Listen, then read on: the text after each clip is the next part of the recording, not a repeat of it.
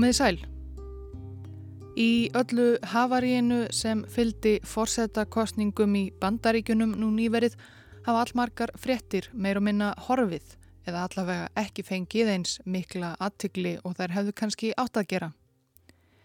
Þar á meðal voru forsetakostningar í öðru landi sem er ekki svo langt frá bandaríkunum og á sér sögu sem er einmitt nátengt sögu bandaríkjana.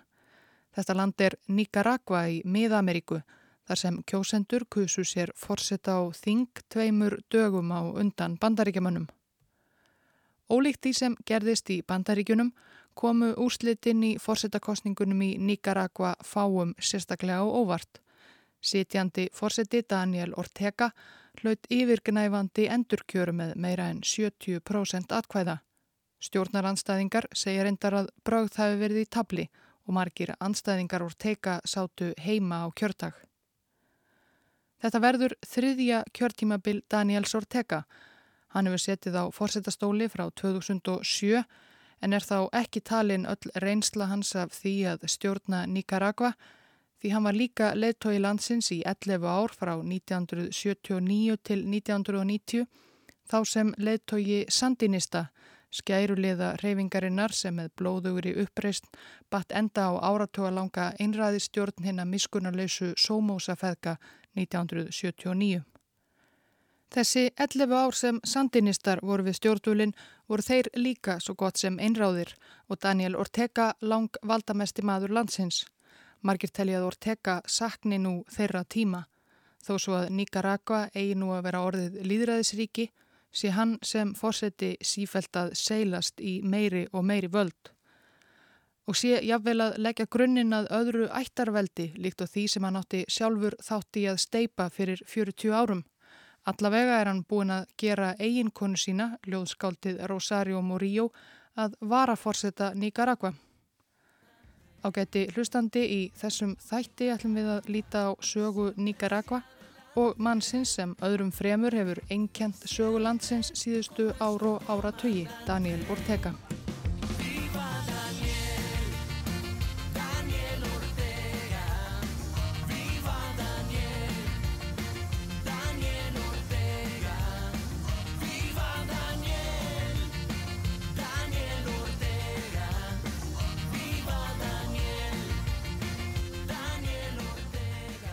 Drengurinn sem fekk nafnið Jose Daniel Ortega Saavedra leitt fyrst dagsins ljós þann 11. november ár 1945 í bænum La Libertad í héræðinu Tjóndales í suðvestanverðu Nicaragua. La Libertad var þá nokkur þúsund manna bær og flestir bæjarbúar störfuðu við aðal atvinnuveg Tjóndales héræðs námugröft og höfðu ekki sérstaklega mikið á milli handana, ekki frekar en flestir íbúar Nicaragua á þessum tíma. Fóreldrar Daniels gerðu það svo sem ekki heldur en fadur Pilsins, Daniel Eldri, var bókari í einni námunni við bæin. Fjölskyldan var því örlítið betur sett en margar aðrar í La Libertad en ekki þó mikið. Og fóreldrar hans vissu af því. Þau töldu sig líka vita hvers vegna þetta land sem þó var ríkt af auðlendum og gjöfulum jarðvegi væri svona ítla statt. Og strax þegar sonur þeirra, Daniel Littli, var mjög ungur fór þau að segja honum frá því óréttlætinu sem landar þeirra nýkarakska þjóðin hafi mátt sæta í gegnum tíðina.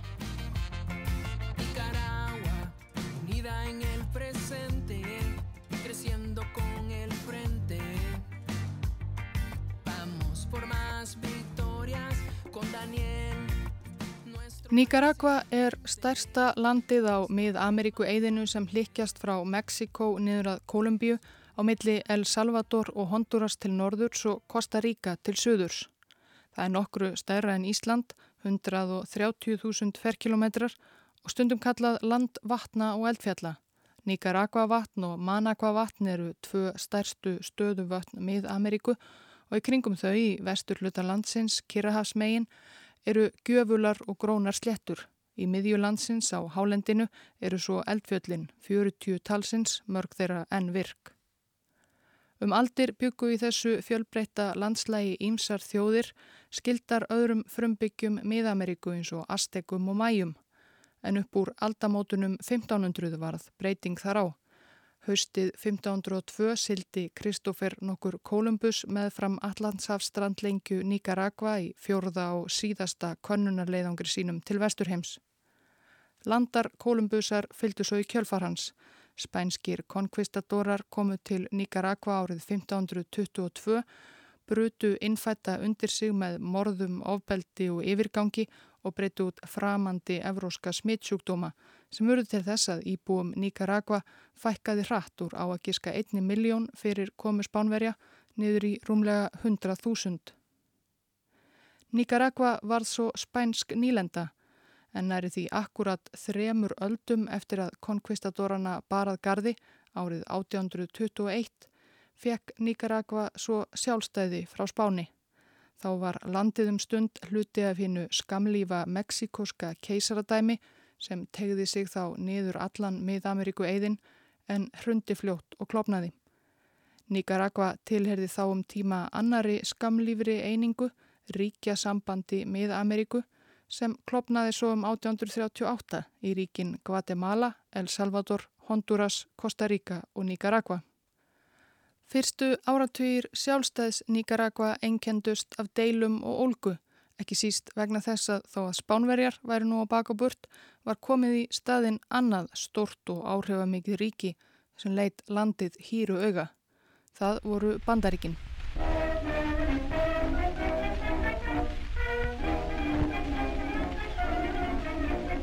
Þegar hér var komið sögu um miðja 19. öld var vestrænum ríkjum, jamt Evrópuríkjum og bandaríkunum, orðið ljóst hversu hendugt að verði að grafa skipaskurð í gegnum miða-Ameríku eigðið og stitta þannig siglingaleiðina millir Kirrahafs og Allandshafs til muna. Og flestir voru á því að allara hendugast er því að grafa þennan skurð beint í gegnum Nicaragua með sín stóru stöðuvötn. Um þetta voru Evrópu og bandaríkjumenn líka samála en bandaríkin vildu ólm verða fyrst til grafa Nicaragua-skurðin á undan Evrópumönnum og stjórna þannig þessari dýrmætu siglingaleið til frambúðar. Fymti bandaríkjafósitinn James Monroe hafði um svipa leiti mótað stefnu eða kennisetningu sem æg síðan hefur við kend við hann sem gekk út á að bandaríkin myndu ekki blanda sér í stríði í Evrópu en ríki Evrópu ættu á móti ekki að hlutast til í málefnum nýja heimsins. Það væri heimavöllur bandaríkjana. Samkvæmt þessari stefnu voru bandaríkin í fullum rétti, fannst bandaríkimannum, að skipta sér af málum í Nicaragua eins og þeim síndist. Það voru reyndar ekki bandarísk stjórnvöld sem voru fyrst til, heldur var það óbreyttur bandaríkjamaður William Walker. Hann var litríkur ævintýramaður frá Tennessee sem hafði áður starfað sem læknir, lögfræðingur og bladamaður en svo fengið áhuga á landvinningum í Miða-Ameríku. Þegar hann kom til Nicaragua árið 1855 logaði landið í íldeilum millir tvekja fylkinga, íhaldsamra og frjálslindra og Walker sá sér leika á borði að notfæra sér uppnámið, leggja landið undir sig persónulega og hyrða svo hagnaðin af væntanlegum skipaskurði. Þessi furðulegi ráðahagur tókst. Walker og 60 manna lið lögðu fljótt undir sig landið, Walker útnemdi sig einræðisherra og hans fyrstu embættisverk voru að gera ennsku að ofinberu máli landsins og lögleiða þrælahald og sölu. Sameinað herlið annara mið-Ameríkuríkja rak Walker í burtu eftir hans ára á forsetastóli. Hann flúði þá til Honduras þar sem hann var tekin af lífi 1860 en áhugi bandaríkjamanna á Nicaragua helst óbreytur. Jafnvel eftir að það varða úr af ýmsum ástæðum að grafa skipaskurðin fræga í gegnum Panama en ekki Nicaragua. Þegar framkantir hófust við Panamaskurðin undir lok 19. aldar voru bandarísk fyrirtæki og einstaklingar komin með mikil ítök í Nicaragua og áttu mikill að hagsmuna að gæta. Til að mynda í kaffirækt en ekki síst voru það bananar sem máli skiptu. Um þessar myndir var þið allræmda bandaríska bananafélag United Fruit Company að hasla sér völl viðsvegarum ríki Mið-Ameríku og þar á meðal Nicaragua. Landið var því eitt af hinnum svo nefndu bananalýðveldum, þar sem fátækir kotbændur þræluðu við bananarækt en auðurinn kvarfofan í vasa bandarískra stórkapitalista sem í krafti auðsins og áhrifa gáttu ráðskast með stjórn þessara mið-amerísku smáríkja svo að segja að vild og er framferði bananafélagsins kannski best líst í kabla í bókinni 100 ára einsemt eftir rítumundin Gabriel García Márquez sem gerist reyndar í Kólumbíu en þar endar viðleitni verkamanna og bænda með fjöldamorði á vegum bananafélagsins sem síðan er þakkað vandlega í hel. Bandaríkin fór með nánast öllu völd í Nicaragua bakvið tjöldin frá því undir lok 19. aldar. Bandarískir landgönguliðar voru yðurlega kallaðir til að kveða niður tilraunir innfættra til að rýsa upp gegn leppstjórnum bandaríkjana. Þessi yfirgangur kannans fjell nefnilega ekki sérstaklega í kramið hjá almenningi. Árið 1912 horði táningspilturinn okkur, óskilgetinn sonur Ríks landeiganda á spænskum ættum og fátækrar frumbyggjakonu upp á bandaríska landgönguleiða berja niður enn eina uppreysnina þetta sinn gegn forsetanum Adolfo Díaz af hörku og grimd. Táningspilturinn fyldist hatri í garð stjórnvalda. Það hatur brann enn 15 árum síðar 1927 þegar pilturinn þá orðinað fullornum manni greip til vopna og hétti að reka bandaríkinn frá Nicaragua í eitt skipti fyrir öll. Hann hétt Augusto César Sandino og honum og skæruliðum hans, sem voru kallaðir Sandinistar, tókst að rekja bandaríkja herr frá Nicaragua með einbeittum og linnulösum skæruhernaði árið 1933. Það áttur reyndar hlutamáli að þá var heimskreppa skollin á og einhver staðar varð bandaríski herrin að draga saman seglinn. Kostnaðarsamur stríðsiregstur í fjarlægjum smáríkjum var ekki efst á forgámslistanum. Bandaríski herin gerði það sitt síðasta verk að þjálfa upp nýgarast þjóðvarðlið sem takaskildi við baráttunni við Sandino og Sandinista. Yfirmaður þess var Anastasio Somoza Garcia, sonur vellauðugs kaffistórbónda, mentaður í bandaríkunum og maður sem haf öllu að dæma sveifst einskis í leitsinni að völdum og ríkidæmi. Somoza þessum tókst að hafa hendur í hári Sandinos ári síðar með því að ljúa því að hann vildi semja um frið Þegar Sandino mætti svo að skrifa undir friðarsamninga var hann umsöfalust skotin til bana sem og fjöldi fylgismanna hans sem var slátrað af þjóðvarliðum. Nokkrum árum síðar stifti Somoza svo þáverandi fórseta Nicaragua á stóli og gerðist einræðisherra með diggum stuðningi bandaríkjamanna. Og með þá sem bakhjarla átti Somoza eftir að sitja lengi.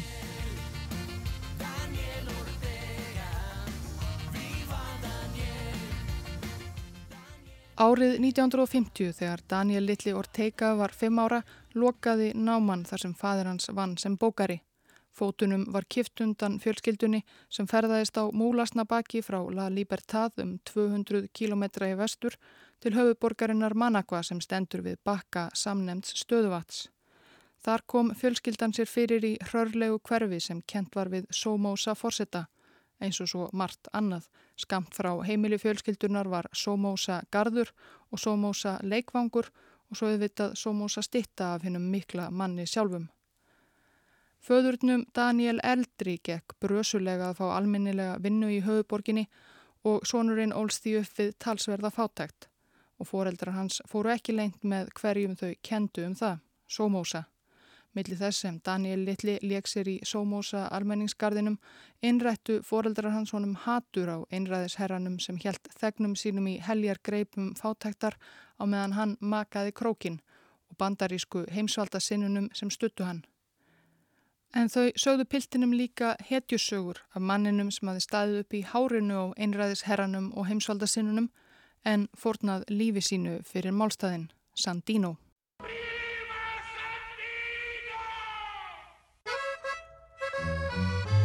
Daniel Eldri hafði lengi lagt fæð á Somoza og eftir dauða Sandinos hafði hann gengið svo langt að skrifa bladagrein þar sem hann sagaði Somoza um morð. Fyrir vikið dvaldi hann um hríði fánkjálsi og þegar hann losnaði sendi Somoza sjálfur honum símskeiti þessum fátæka bókara sem hafði kallað hann morðingja og saði honum þar einfallega að geta skýt. Símskeitið var æsíðan eitt af kærustu eignum Daniels Eldri sem hann síndi stoltur gestum. Við vorum á móti kók, á móti teiknumundasögum, á móti öllu sem bandaríkinn stóðu fyrir, góðu og slæmu nema hafnabólta, saði Daniel Ortega yngri síðar um uppvöxt sinn í foreldrahúsum. Strax sem ungur táningur fór hann að stunda skemdarverk gegn stjórnvöldum á samt yngri bræðrum sínum tveimur og öðrum krökkum úr hverfinu. Þeir kveiktu í bílum sem tilherðu þjóðvarliðinu eða bandaríska sendiráðinu og klöstruðu saman litlum sprengjum sem þeir komu fyrir við heimili stjórnmálamanna. Daniela rak áróður gegn stjórnvöldum í skólanum sínum. Þarna var reyndar komin nýr sómósa við stjórnvölinn Ungt ljóðskáld og andofsmaður, Rigoberto López Pérez, skaut einræðisherran til bana í gleðskap á fínum klúpi í borginni León 21. september 1956. Andartæki síðar var skáldið svo sjálft skotið til bana af lífvörðum Somosas. Og elsti sonur einræðisherrans, Luis Somoza de Baile, tók svo við fórsetæmbættinu og stjórnaði nokkurnu einn alvegað hætti föður síns, barði niður allt andof og sapnaði auðu og völdum fyrir sig og sína. Yngri bróðirinn, Anastasio Somoza de Baile, tók svo við fórsetaðanbættinu 1967 og varð ekki skári.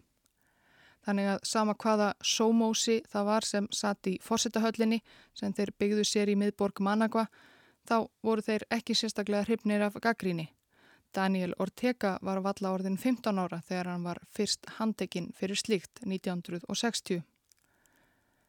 Eftir það gekk hann til liðs við nýstofnuð leinisamtök andófsmanna og byltingar sinnaðra stúdenta ár háskólum í Managua og León. Þeir kolluðu sig fyrst þjóðfrælsisfylkinguna, Front Liberation National, en fóru fljótt að kenna sig við þjóðhetjuna sem hafi fórnað lífi sínu fyrir sama málstað næri þremur áratugum fyrr og kölluðu sig Sandinista. Patria libre! Patria libre! Patria muerte! Venceremos! Þjóðfrælsisfylking Sandinista var bara eina af mörgum byltingarsinnum uppreysnar og andofshreyfingum sem örðu til í Nicaragua undir stjórn þeirra Somosafeðka. Flestar voru undir áhrifum frá árangusýrgri byltingu Fidel Castros og félaga í Kúpu nokkrum árum fyrr. Carlos Fonseca, fyrsti leðtogi þjóðflöðsisfylkingarinnar, hafi hrifist af kommunisma ungur, meðal annars dvalið í Sovjetríkinum og Kúpu, en gerði svo á endanum afhuga þeirri humengtafræði. Innan fylkingar hans rúmuðust þó ímsar skoðanir og krettur, en það sem batt menn saman var svo brennandi trú að frelsa þyrti nýka rasku þjóðina í byltingu og steipa spiltri stjórn Somosas. Meðal sandinistana voru þó fjölmarkir sem voru og urðu áfram heittrúaðir marxistar og þar á meðal var Daniel Ortega.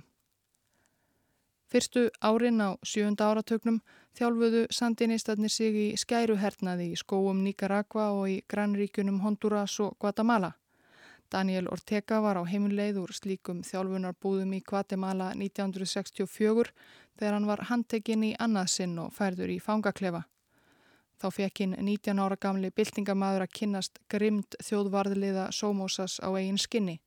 Hann og samfangar hans voru bundnir fastir og barðir sundur og saman með kilvum, latnir geta upp úr ruslinu og fleira miður skemmtilegt. Eftir þá reynslu varð Daniel Ortega enn ákveðnari og enn vissari í sinni sögum að þessari grimmúðlegu stjórn yrði að koma frá með óbeldi og vilaði ekki fyrir sér að myrða í þáu byltingarinnar. Hann var 22 ára þegar hann draf mann í fyrsta sinn.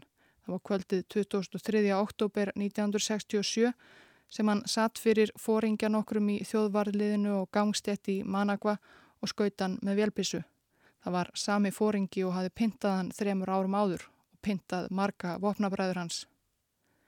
Slík morði í hemdarskinni var annaða því sem sandinistar fengust helst við fyrstu árin og eitt í viðbútt voru vopnuð rán í fjáröflunarskinni. Sama áru Ortega myrti pyntingamestara þjóðvarliðsins rendi hann á samt félögum sínum út í bú Erlends banka í höfuborginni. Ránið hefnaðist að því margi að sandinistarnir komust undan með fólkur fjár en yfirvöld voru heldur ekki lengi að hafa uppi á og handtaka þá seku. Í þriðja sinn lendi Daniel Ortega í fangelsi og í þetta sinn fekk hann langan dóm.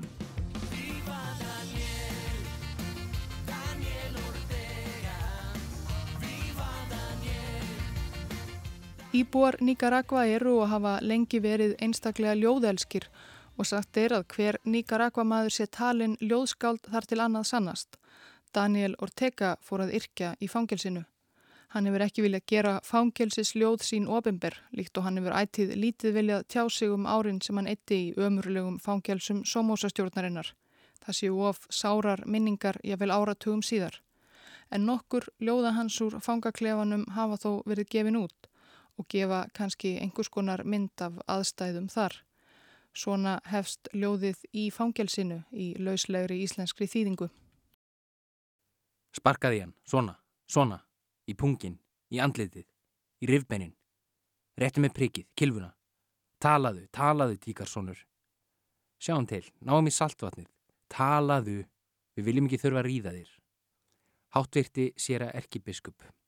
Háæru verði ég sendi herra. Friður, virðing, ríkidæmi, líðræði. Settið hann í handjátt, henduð honum í einangrun. Þú ert eftir að geta eigin saur, helvítið þitt. Aug þess að Irkja drakk Ortega í sig bækur til að búa sig undir frekara byltingarstarf og skrifaðist líka á við unga konu sem hann kannadist lítilega við. Hún hafði gengið í sandinistarheiminguna 1969, vann á einu helsta dagblæði landsins en fegst eins og hann líka við ljóðlist. Mörgum árum síðar giftist Ortega henni, Rosario Murillo, og er hún sem sagt varaforsetti hans í dag. Aquí, Radio Sandino voz oficial del Frente Sandinista de Liberación Nacional Með útvarstækjum sem fangaverðir hliðhóllir sandinistum smikluðu inn í fangelsið gáttu hann og samfangar svo fylst með fréttum bæði af gangi baráttu sandinista utan veggja fangelsisins sem og sviftingum annar staðar í Rómunsku Ameríku. Ortega fyldist til að mynda náið með því þegar vinstrimaðurinn Salvador Allende komst til valda í Chile 1970 en var steift á stóli aðeins þremur árum síðar og hann hétti að sandinistar myndu ekki gera sömu mistök og aljendi sem var að hans mati að halda ekki nóg fastum valdatöymana þegar hann hafði þó nátt taki á þeim. Það var þó þarna ekkert sérstatt útlitt fyrir það að sandinistar væru að komast til neittna valda í bráð. Árin sem Ortega var í fangelsi, síðustu ár sjönda áratögar og fyrstu ár þess áttunda, gekk baráta sandinista mjög illa enda við ofurefliðaði etja í harðsvíruðum þjóðvarðliðum Somosas. Það þurfti eitthvað mikið til að baráttan færi að ganga sandinistum í hag. Bókstaflega náttúruhamfarir. Snarpur jærskjálti, 6,2 að stærð skók Managua á nákrenni þann 23. desember 1972. Í höfuborginni fórust 10.000 manns af um 400.000 borgarbúum, 20.000 til viðbótar slösuðust og ótal þúsundir mistu heimili sín en það eigðileggingin í borginni svo gott sem algjör. Neiðin var mikil og eftir skjáltan streymdi fjárhags aðstóð til Nicaragua viðsvegar að. Til að mynda gáfu bandaríkjaman 32 miljónir dollara í neðarastóð. En ekki nema hluti af þessu skilaði sér á endanum til bástatra. Sómúsa og kónar hans, þeir höfðu nú ekki lapið dauðan úr skél hinga til, en þeir ákváðu að nú væri aldeilis komið tækifæri til að auðgast almennilega. Þeir stungu einfallega neyðaraðstóðinni í eigin vasa á meðan þjáðist almenningur og endur uppbyggingastarf var lítið sem Managva hefur raunar ekki enn risið almennilega úr rústum skjáltans. Til að bæta gráu ofan á svart höguðu margir af þjóðvarliðum sómósa sér eins og svín dagana og vikunar eftir skjáltan, rændu og rupluðu. Allt var þetta til þess að tiltrú nýgaraksk almennings á stjórnvöldum sem hafi nú ekki verið sérlega mikil, gufaði nú endanlega upp. Og sandinistar fengu aukin stuðning, sífælt fleiri gengu til liðs við skæruliða sveitir þeirra og nýr kraftur færðist í baráttuna. Í smiklaða útvarpinu sínu hefur Daniel Ortega geta fylst með fréttum af því hvernig félagar hans utan veggja fangelsisins réðust oftar og harðar gegn stjórnvöldum. Hann íðaði í skinninu að fá að taka þátt í þessum langþráða uppgangi og það fekk hann von bráðar. Kvöldið 27. desember 1974, rúmum tveimur árum eftir jarðskjáltan Örlaðaríka, helt fyrverandi landbúnaðar á þeirra nokkur veistlu fyrir vini sína sem margir gengdu valdamiklum embættum í nýgarakska stjórnkerfinu. Gleðskapurinn var ekki langt komin þegar nýju skæruleðar sandinista réðust inn, myrtu gestgjafan og þrjá aðra og tóku svo fjölda veislugjasta í gíslingu. Í skiptum fyrir gíslana tókst sandinistum að fá stjórnvöld Somosas til að borga þeim 2 miljóna dollara lausnargjald og þar að auki að láta lausa 14 fangelsaða sandinista. Þar á meðal var Daniel Ortega sem gatt loksum frjálst höfuð strókið eftir 7 ár í fangelsi og fór svo fljótt að láta til sín taka í framvarðasveit uppreysnamanna.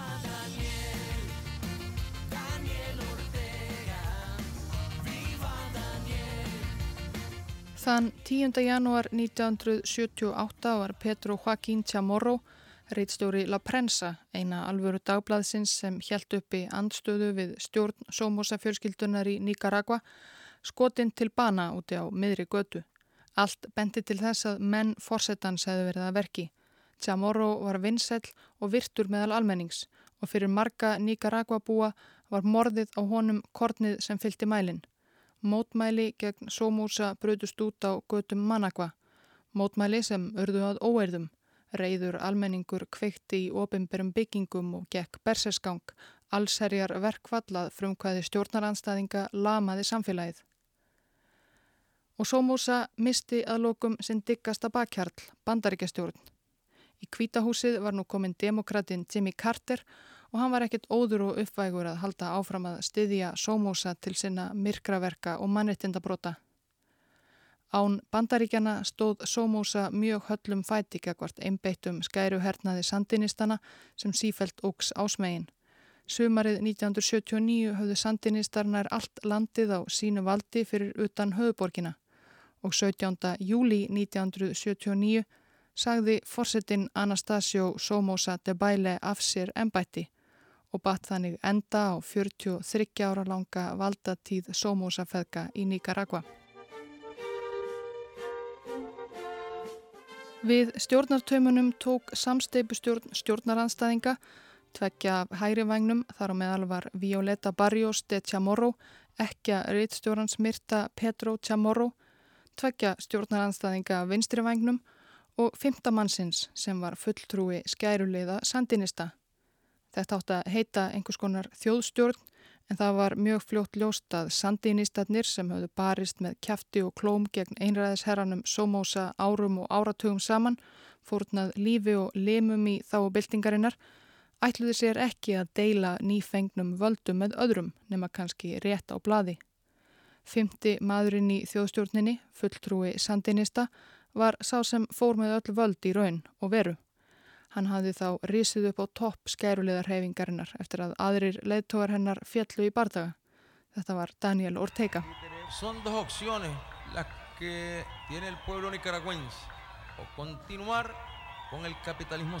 Valdataka þjóðstjórnarinnar og ekki síst sandinista vakti mikinn fögnuð viða. Vinstri sinnar í Evrópu og Ameríku litu á sandinista sem hetjur í baráttunni gegn auðvaldinu og heimsvaldastefnu bandaríkjana. Pöngljómsveitin góðkunna Klass gaf meira að segja út heila plötu sem hétt einfallega Sandinista.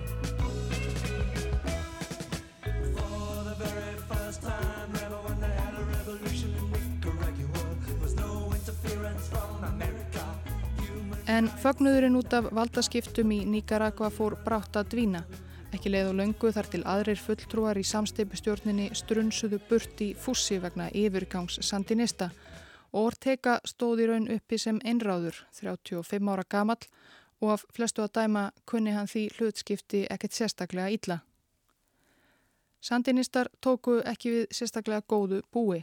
Sómósa feðgar hafðu steifti ríkinu í næri 2 miljardar dollara skuld, innviðir ríkisins voru í rúst eftir langt og erfitt stríð og mörg hundru þúsund óbreyttir borgarar voru á vergangi. Í Washington voru menn í fyrstu ekki alveg vissir hvernig þetta bregðast við byltingunni í Nicaragua.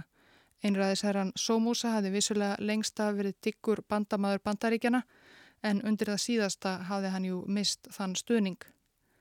Og sandinistar, þeir voru vissulega byltingar sinnaðir skæruleðar en kannski, hugsuðu Carter Forseti og ráðkjafar hans í kvítahúsinu, væri hægt að lokka þá til fylgilags við bandaríkin með lofvorðum um fjárastastóð.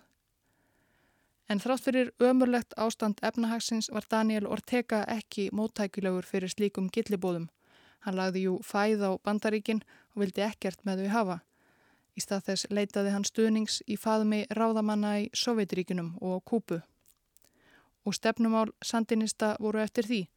Efnahagskerfið var endur skipulagt frá grunni að marxískum sið, fjölmörg fyrirtæki voru þjóðnýtt og lönd stórbænda og stórfyrirtækja voru tekin eignarnámi og þjóðnýtt eða gefin fátækum fjölskyldum. Lagst var í umfangsmikla herrferð til að bæta heilbreyðiskerfið í borgum og sveitum og auka læsi meðal almennings. Marta þessu bar góðan árangur en allt andof gegn Ortega, sandinistum og nýjum áherslum þeirra var sömuleiðis mjög illa séð. Frumbyggjar sem töldu sig hlunfarna af uppskiptingu landaregna og mótmæltu voru fangelsaður í þúsundatali og reknir af heimahögum sínum. Og fleira af þessu tægi máttu stjórnaranstæðingar þóla á fyrstu stjórnarárum Daniels Ortega og Sandinista.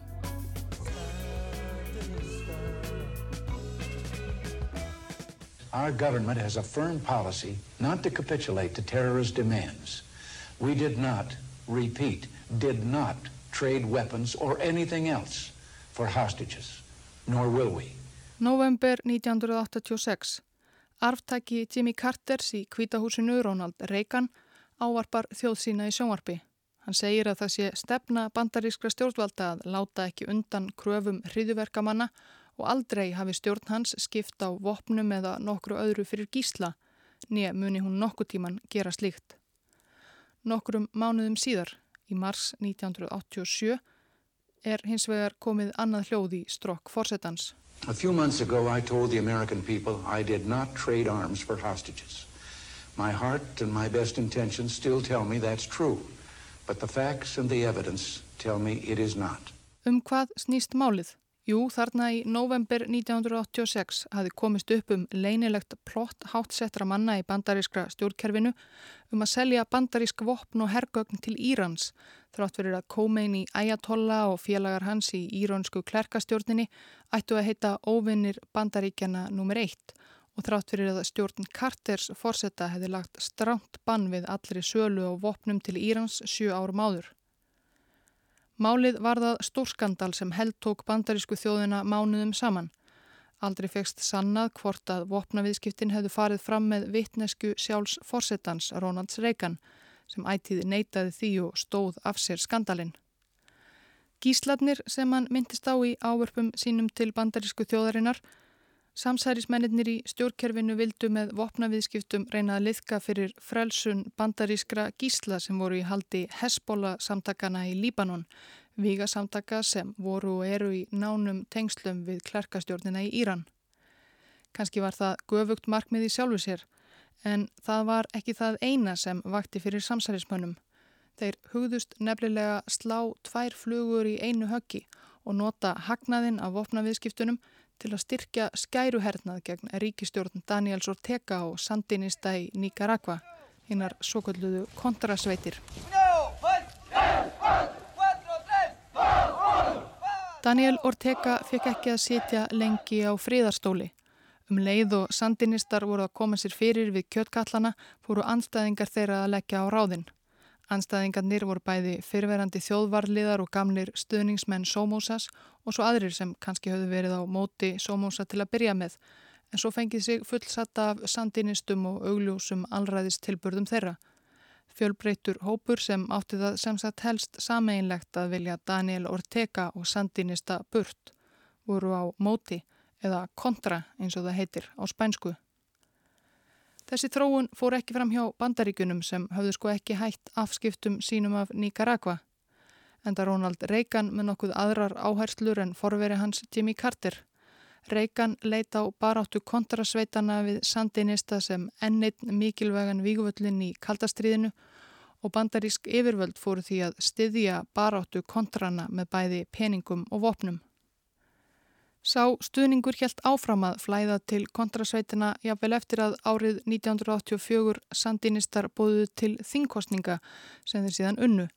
Alþjóðlegir eftirlitsmenn sögðu að þær hefðu farið eðlilega og líðræðislega fram en að vísu hefðu margir stjórnaranstæðingar ákveðið að sniðganga kostningarnar og óum deilanlega áttu þeir erfitt með að vekja aðtikli á málstað sínum þar sem sandinistar stjórnuðu svo gott sem öllum helstu fjölmiðlum.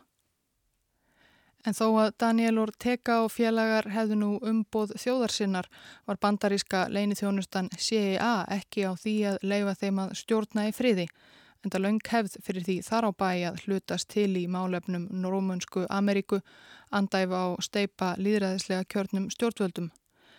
Í gegnum CIA veittu bandarísk stjórnvöld miljónum dollara til kontrasveitana á fyrstu árum nýjunda áratugurins. Þetta var þó ekki sérlega vinsæl málstæður. Kontraliðar svifust einskis í baráttu sinni við stjórnvöld sandinista, réðust óhíkað á óbreyta borgara, eidilögðu sjúkrahús og helsugæslustöðvar, rændu og rupluðu. Margir leðtóar þeirra voru það líka að öllum líkindum flæktir í kokaínsmiklbransan, nokkuð sem CIA vissi án Eva af og setti sig ekki sérlega upp á móti. Nei, eflust hafa einhverjir CIA menn hagnast á þennan hátt líka. Fregnir af óhæfuverkum kontraliða í bandarískum fjölmiðlum gerðu þar loksað verkum að árið 1984 tókst demokrötum á bandaríkjaþingi að leggja bann við frekari fjárveitingum til þeirra. En kontravinirnir í CIA letu það ekki stoppa sig en það fekk fljótt einhver þessa frábæru hugmynd að laumast bara til að selja írönum vopn og láta svo hagnaðinn flæða beinustu leið til kontrana í Nicaragua.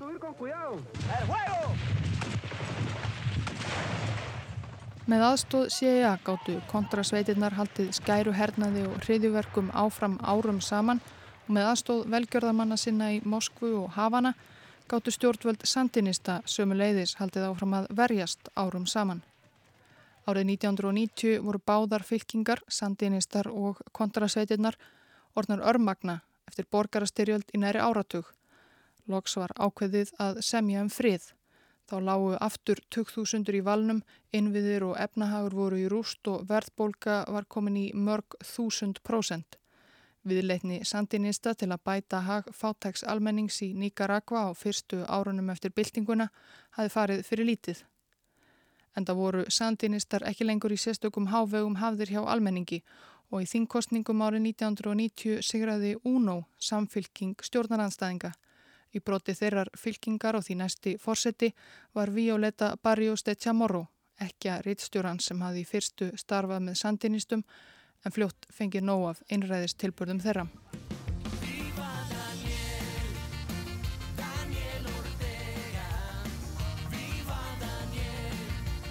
En eins og við höfum heyrt þá var Daniel Ortega ekkert á því að hætta afskiptum af stjórnmálum. Hann helt áfram að láta til sín taka í stjórnar anstöðu næstu 16 árin og bauði sér fram í hverjum kostningum þar til Lóksónum tókst að komast aftur að kjöttkvöllunum í forsettakostningum árið 2006. Það var nokkuð annar Daniel Ortega sem þá settist á valdastólinn, sá sem hafi tekið við stjórnartaumunum í kjölfarbyltingarinnar 1979. Hinn harði marxismi sem skæruliða fóringin Ortega hafi haft í hávegum var horfinn og í stað þess komin mildari og líðræðislegri jafnaðarstefna, allavega í orði. Hann hafði orðið trúaðri með árunum og var nú til dæmis orðin þvert á móti fóstureyðingum, rétt eins og kathólska kirkjan sem meiri hluti Nicaragua búa tilherir. Og svo var hann endur kjörinn 2011 og aftur núna nýlega eins og fram hefur komið. Það var skipst á skinn og skúrir fyrir Nicaraskan almenning á síðari valdatíð Daniels Ortega en hann nýtur enn stuðningsstórsluta almennings, sérstaklega þeirra fátækustu. Óumdeilanlega hafa flestir þeirra það örlítið betra núna en fyrir nokkrum áratugum allavega.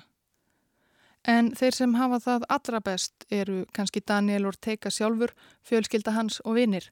Hann hefur komið vinum sínum og ættingum fyrir í æðstu valdastöðum í stjórnkerfinu og helstu stórfyrirtækjum.